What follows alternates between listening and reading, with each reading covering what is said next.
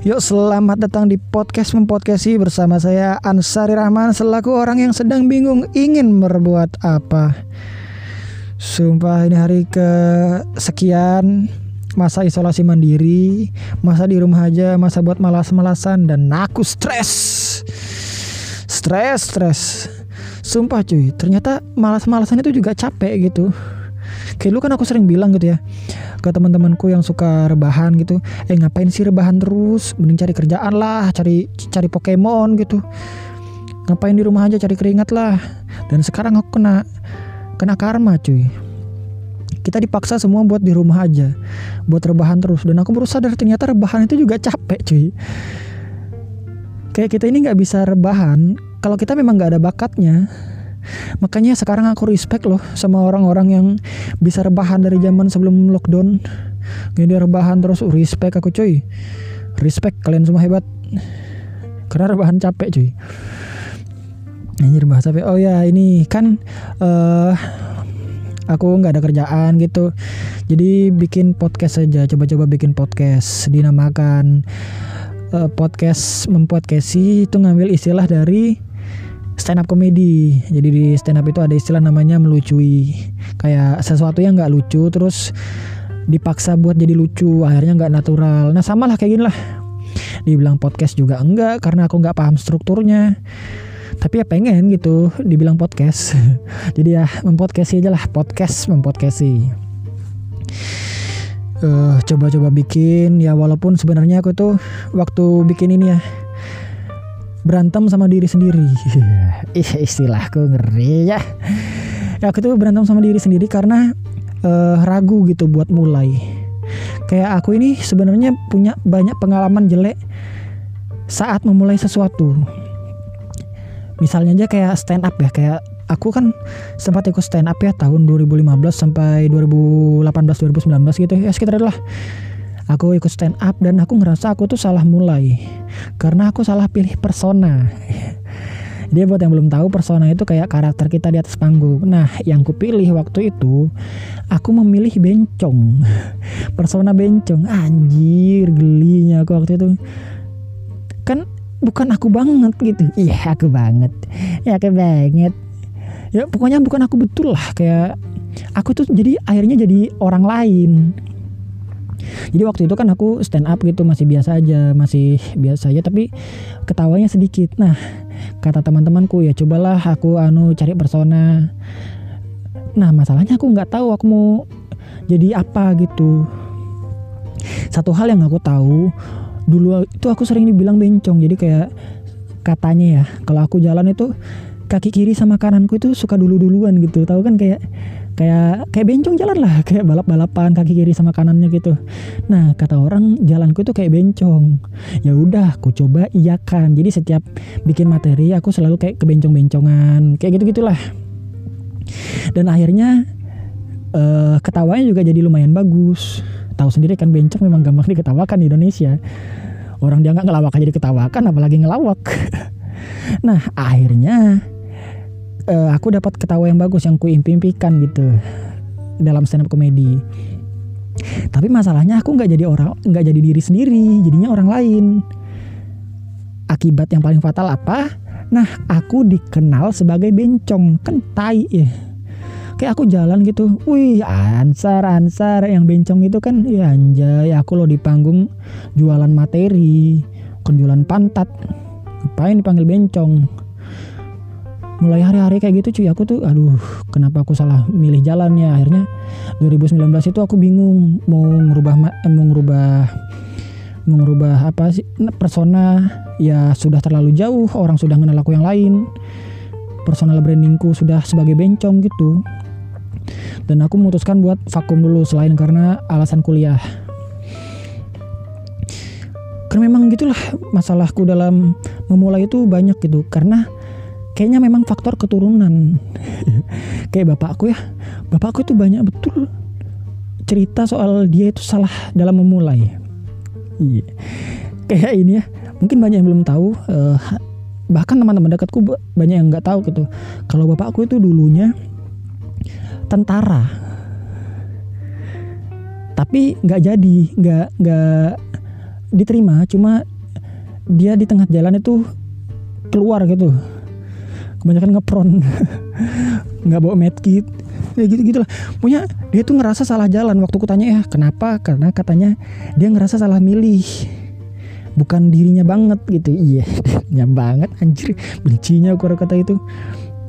Punya katanya bukan dia banget lah. Dan akhirnya dia berhenti dari tentara. Terus memilih menjadi penjahit. Dalam hatiku ya yang salah pilih ya waktu jadi penjahit lah ngapain waktu jadi tentara masuk dianggap salah milih. Jadi penjahit kalau itu salah milih. Aneh cuy jadi tentara terus jadi penjahit. Terus dia ngerasa ini diriku yang sebenarnya. Ih anjay anjay. Maksudnya dampaknya ke, ke aku dan mamaku gitu. Ekonomi kami ini kurang aja coba jadi tentara bangke bangke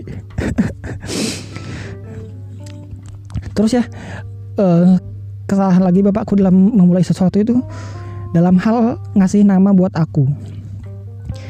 Banyak yang belum tahu juga, aku itu pernah ganti nama cuy. Jadi nama aku lahir itu dulu Muhammad Ghazali Rahman. Tiga bulan setelah itu diganti jadi Ansari Rahman. Aku tahunya juga waktu sudah besar. Terus kutanya kan, kenapa dulu bah diganti namaku? Karena aku pikir sakit kan. Ternyata kata bap bapakku bukan. Kata bapakku, namaku itu diganti karena namaku tuh sama kayak maling anjay ya, jadi katanya waktu aku masih kecil di kampung bapakku tuh ada maling ketangkap, maling besar gitu. Setelah dicari tahu namanya itu Ghazali Rahman. Kita stop sampai situ dulu ya. Namaku dulu Muhammad Ghazali Rahman. Ada maling namanya Ghazali Rahman. Terus namaku diganti jadi Ansari Rahman. Itu nggak nyambung loh. Kan malingnya Ghazali Rahman. Kenapa yang dihapus Muhammad sama eh, sama Ghazalinya? Bukannya Ghazali Rahmannya? Iya kan? Rahmannya dipertahankan. Aku curiga bapakku nih kayaknya memang pengen gitu aku jadi maling. eh kenapa? Yang diganti yang diganti loh bukan. Yang diganti cuma satu dari nama maling itu. Coba namaku dijadikan Muhammad Ansari aja kan bagus ya. Jadi Ansari Rahman ya bagus juga sih cuma filosofinya nggak nyambung sama alasan bapakku. Terus juga itu bapakku tuh. Mamaku juga ada salah dalam memulai. Jadi aduh ini bongkar aib orang tua lagi anjay jadi kesalahan mamaku dan menurutku paling besar di antara keluargaku adalah menerima tawaran menikah bapakku iya yeah. karena gini karena gini karena gini uh, mamaku itu menerima tawaran menikah bapakku dalam kondisi bapakku sebagai duda iya yeah. iya cuy jadi bapakku kan tentara jadi penjahit terus uh, nikah sama seseorang nah habis itu cerai terus nikah sama mamaku uh, kan bangke ya Anjir, mamaku menurutku ini salah betul dalam memulai cuy Kenapa nggak yang fresh gitu, yang fresh? Yang diterima itu duda dan penjahit. Anjay coba duda dan tentara kan bisa ya. Ini duda terus penjahit gitu. Diterima sama mama aku ya Allah. Wih sakit kepalaku. eh, tapi enggak apa-apa. Aku respect sama mama bapakku. Apalagi sama bapakku ya. Bapakku yang absurd tuh aku sayang sekali. Bahkan aku kalau punya duit buat berangkat haji aku nggak naik haji yang gue berangkatkan bapakku dulu kenapa supaya nggak ada di rumah iya yeah. aduh sumpah benci karena bapakku tuh memang absurd cuy orangnya ya, anjir itu bahas bapakku ya Oke yang kutulis sedih lah ini buat rencana. Udah apa dah bahas bapakku dulu Bapakku tuh memang absurd orangnya. Kayak Dia itu suka salah sebut Tapi dia marah kalau orang nggak ngerti. Kayak ini ya sebelum masa lockdown ini kan uh, aku sering ke pasar gitu. Bapakku nyuruh aku beli sewaktu-waktu nih ya suatu hari bapakku tuh nyuruh aku beli. Man aku kan kalau di, di rumah dipanggil Rahman ya. Man aduh laparnya ya. Belikan pang untuk untuk ku belikan tuh untuk untuk apa sampai rumah dimarahin. Eh kenapa beli untuk untuk? Abah lo nyuruh beli donat. Dalam hatiku abah lo tadi bilang untuk untuk. Baru kata bapakku lagi orang kalau orang tua salah sebut itu cari tahu. Di ngerti matiku salah sebut. Bapakku tuh salah sebut yang disebut makanan juga. Abah kan bilang lapar nih. Bilang untuk untuk. Ya aku nggak mikir itu salah sebut dong Iya dong, kecuali ah bilang aduh lapar nih, belikan bang double tip. Nah, tuh baru aku cari tahu. Yang disebut makanan juga, cuy. Bingung aku. Besoknya disuruh lagi aku beli. Ya kan pagi-pagi besoknya aku dibangunin itu, "Man, lapar. Belikan Bang untuk untuk." Eh, dalam hatiku aku sudah mulai cerdas nih. Sepertinya ini salah ngomong. Iya. Sepertinya salah ngomong ya kan. Jadi aku ke pasar, wah ndak gue beli itu untuk untuk. Aku beli double tip.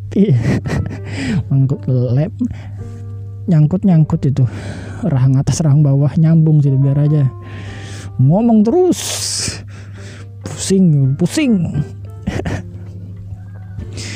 Aduh, sumpah cuy, malah terbahas orang tua anjay anjay. Bingung ngomong bahas apa? Bahas apa? Oh ya, ini di luar baru selesai hujan. Ada orang baik baru meninggal. Tapi kenapa ya? Katanya kalau selesai eh ada hujan gitu ada orang baik baru meninggal. Kenapa ya? Nggak eh, nggak tahu ini kalau memang ucapan nabi aku nggak tahu. Cuma maksudku ya nggak masuk logika aja. Kalaupun memang ini dibenarkan dan memang iya bisa begitu aku punya solusi untuk kita menghadapi musim kemarau. Iya. Jadi misalnya nih musim kemarau ya kan, uh, lama ndak hujan tiga bulan gitu, sawah pada kering, uh, keliling aja, keliling gitu, cari orang sholat. Astaga, ya kan orang baik meninggal hujan cuy, mayan tumbal satu. kelilingnya kan aduh pak misalnya lapor gitu ke Pak RT ya kan ngumpul warga aduh Pak sawah kita kering nih udah lama nggak hujan tapi saya lihat tadi di musola ada orang sholat Pak iya oh, jadi tumbal Enggak ya, bukan, bukan ini bukan anjuran untuk membunuh cuy. Podcast apa sih ini anjir? Nah, ini mempodcasti, mempodcasti. Justru ini panduan buat orang-orang baik. Biar kalau musim kemarau mereka sembunyi. Nggak dijadikan tumbal ya kan? Sembunyi aja. Aku bingung cuy. Mau bahas apa cuy? Bahas oh iya ini kan lagi uh, masa pandemi ya. Cir aku ngos-ngosan cuy. Aku baru dari luar soalnya baru dari luar beli kuota.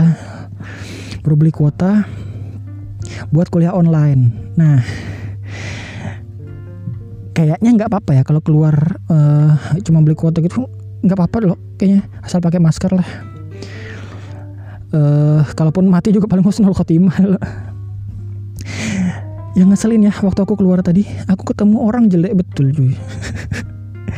Aku tuh nggak ngina orang dari fisiknya ya cuma tak uh, dandanannya tuh aneh gitu. Kayak dia tuh pakai motor ninja orangnya hitam dia pakai masker warnanya hitam juga. Jadi mulutnya kayak nggak kelihatan gitu. Anjir nih orang hitam hitam nggak ada mulutnya. Kayak kuga cuy. Ini buat yang belum tahu kuga ya kuga tuh kayak satria baja hitam. Hitam semua lah pokoknya nggak ada mulutnya. Matanya menyala cuy. Ya Allah matiku ih. Lagian kenapa sih ya? Orang hitam gitu suka pakai pakaian yang hitam-hitam juga? Malah kalau aku melihatnya kayak orang telanjang cuy. iya, punya aneh lah Padahal kalau memang hitam ya pakai baju putih nggak apa-apa juga kalau menurutku ya. Memang bagus aja dilihat. Terus juga kayak kemarin lagi nih masalah masker ya. Kemarin itu aku baru dari Indomaret. Di depanku ada orang pakai masker, masker yang kayak graffiti gitu, kayak graffiti yang ada corongnya di depan kayak gitu-gitu, kiri kanan. Yang jadi masalah apa? mukanya jelek kayak nggak cocok aja gitu. Anjir dia pakai masker kayak gitu loh. Mukanya jelek. Bujur-bujur kayak lalat mukanya cuy. Betulan. Anjir lah mati gue kok kayak lalat muka ini. Kok muka orang ini kayak lalat gitu. Karena betul-betul kayak lalat. Maksudku gini loh. Aku bukan ngina fisik ya. Tapi cobalah kita itu uh, berdandan sesuai garis Tuhan. Iya. Yeah. jangan ngelawan gitu. Kalau memang kayak apa ya jangan dipaksa ganteng justru ya aku tuh lebih respect sama orang yang memang jelek terus uh, berdandan apa adanya nggak nggak nggak ngelawan gitu dari takdir Tuhan. Aku respect. Ini ngelawan gitu kayak pengen betul kelihatan ganteng kayak ini kayak cewek. Kalian pernah nggak ngelihat cewek yang hitam gitu tapi pengen betul kelihatan putih? Terus jadi pakai pupur itu beli 24 ribu satu satu tempat make up gitu cuma dipakai dua kali saking tebalnya pupurnya tuh. Tuh aku ngesal itu ya anjay. Kadang ya beberapa cewek kayak gitu juga maksa eh kulit hitam maksa putih terus pakai pupur tapi nggak rata. Kan aneh ya muka hitam pakai pupur nggak rata. Mukanya kayak ini anu permukaan bulan anjir. Betulan kayak permukaan bulan kayak ada kawah-kawahnya gitu masih ada sisa hitam sedikit. Ada jerawat-jerawatnya tuh kayak kawah bujur-bujur kayak bulan mukanya. Sedih loh ngeliat. Maksudku kalau memang kalian bagaimana ya ikutin yang itu aja nggak usah jadi orang lain. Kayak gitulah pokoknya. Kenapa lagi nih? Oh iya aku baru putus cuy. Aku baru putus. Fuck cewek fuck. Bangke cewek bangke. Aku baru putus. Sedih cuy baru putus cuy belum bisa move on. Karena karena masih baru. Masih sekitar dua minggu tiga minggu lah baru putus belum lama. Dan kayaknya memang gitu ya masa pandemi ini banyak banget orang banyak banget pasangan yang berantem gitu. Kayak nggak biasa nggak ketemu terus tiba-tiba nggak ketemu. Jadi ada aja yang dikelahi ya termasuk aku lah.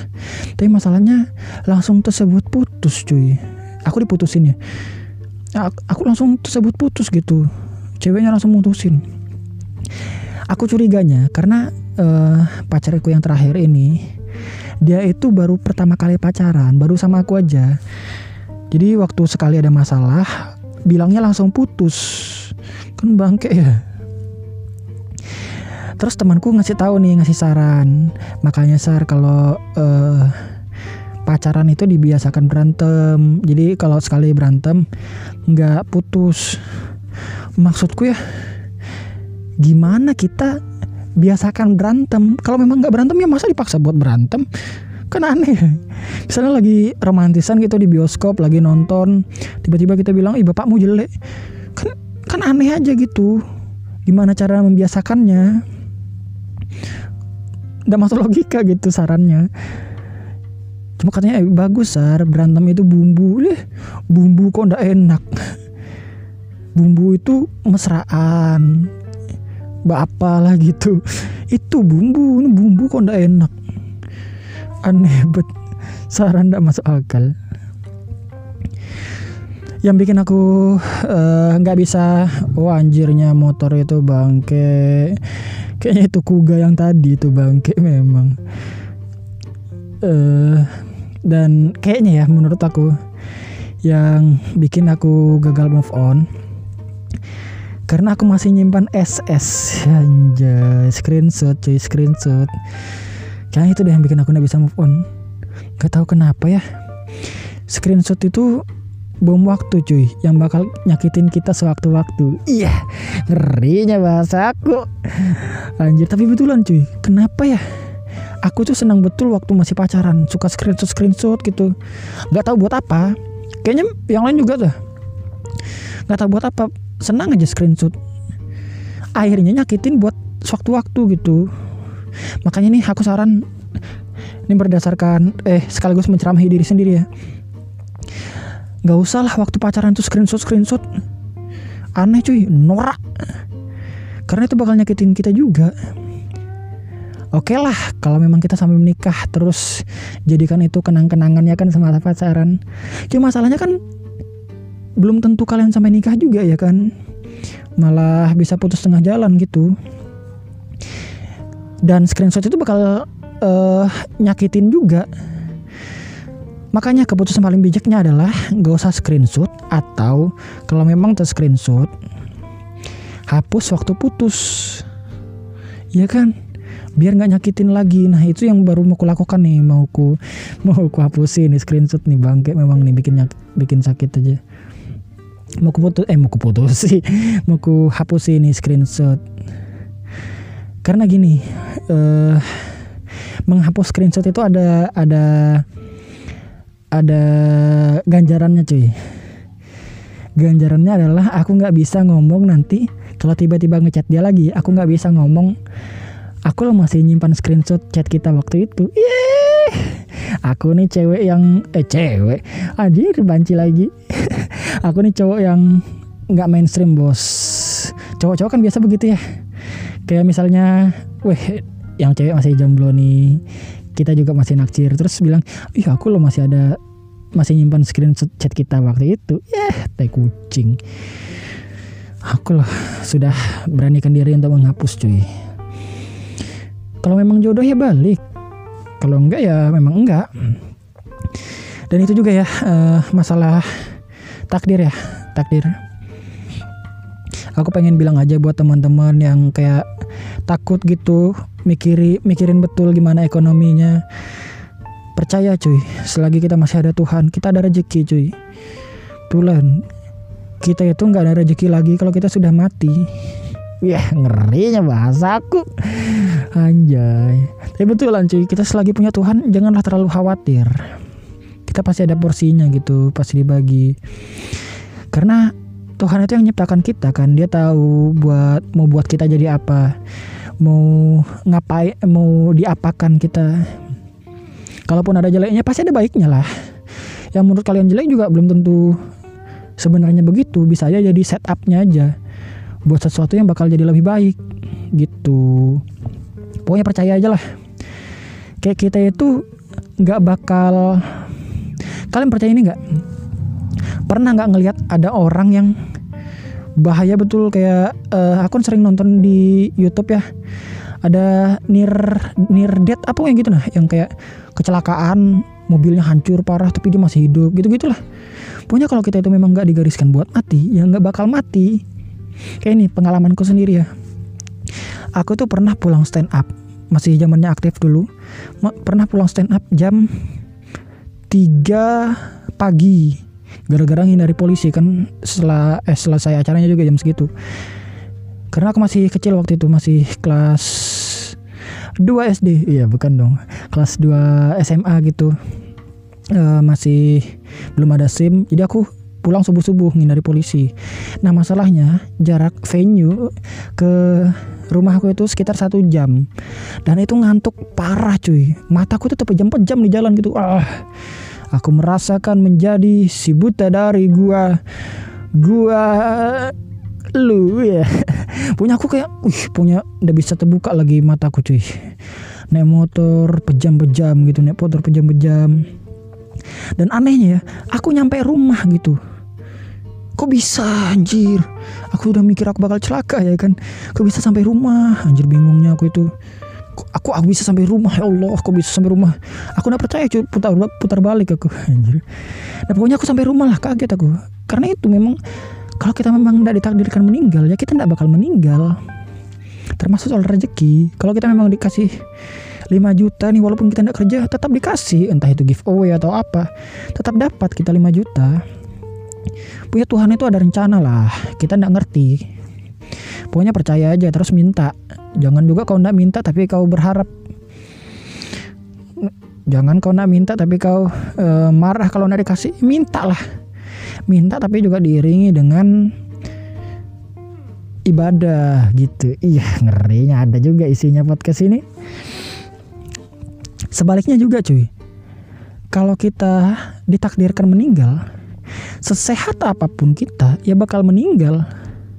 Kayak ini lagi di belakang rumahku itu kan tukang urut ya tukang urut spesialis patah tulang seleo uh, covid ya kenapa covid diurut anjir? Dia juga kena. Pokoknya uh, spesialis tukang urut kayak waktu itu ada kejadian orang baru selesai kecelakaan jatuh kecelakaan gitu. Tangannya patah dibawa sama temannya. Dibawa sama temannya berurut di situ. Teriak-teriak kan orang uh, pat, tangan patah diurutkan teriak-teriak yang yang kecelakaan itu teriak nangis.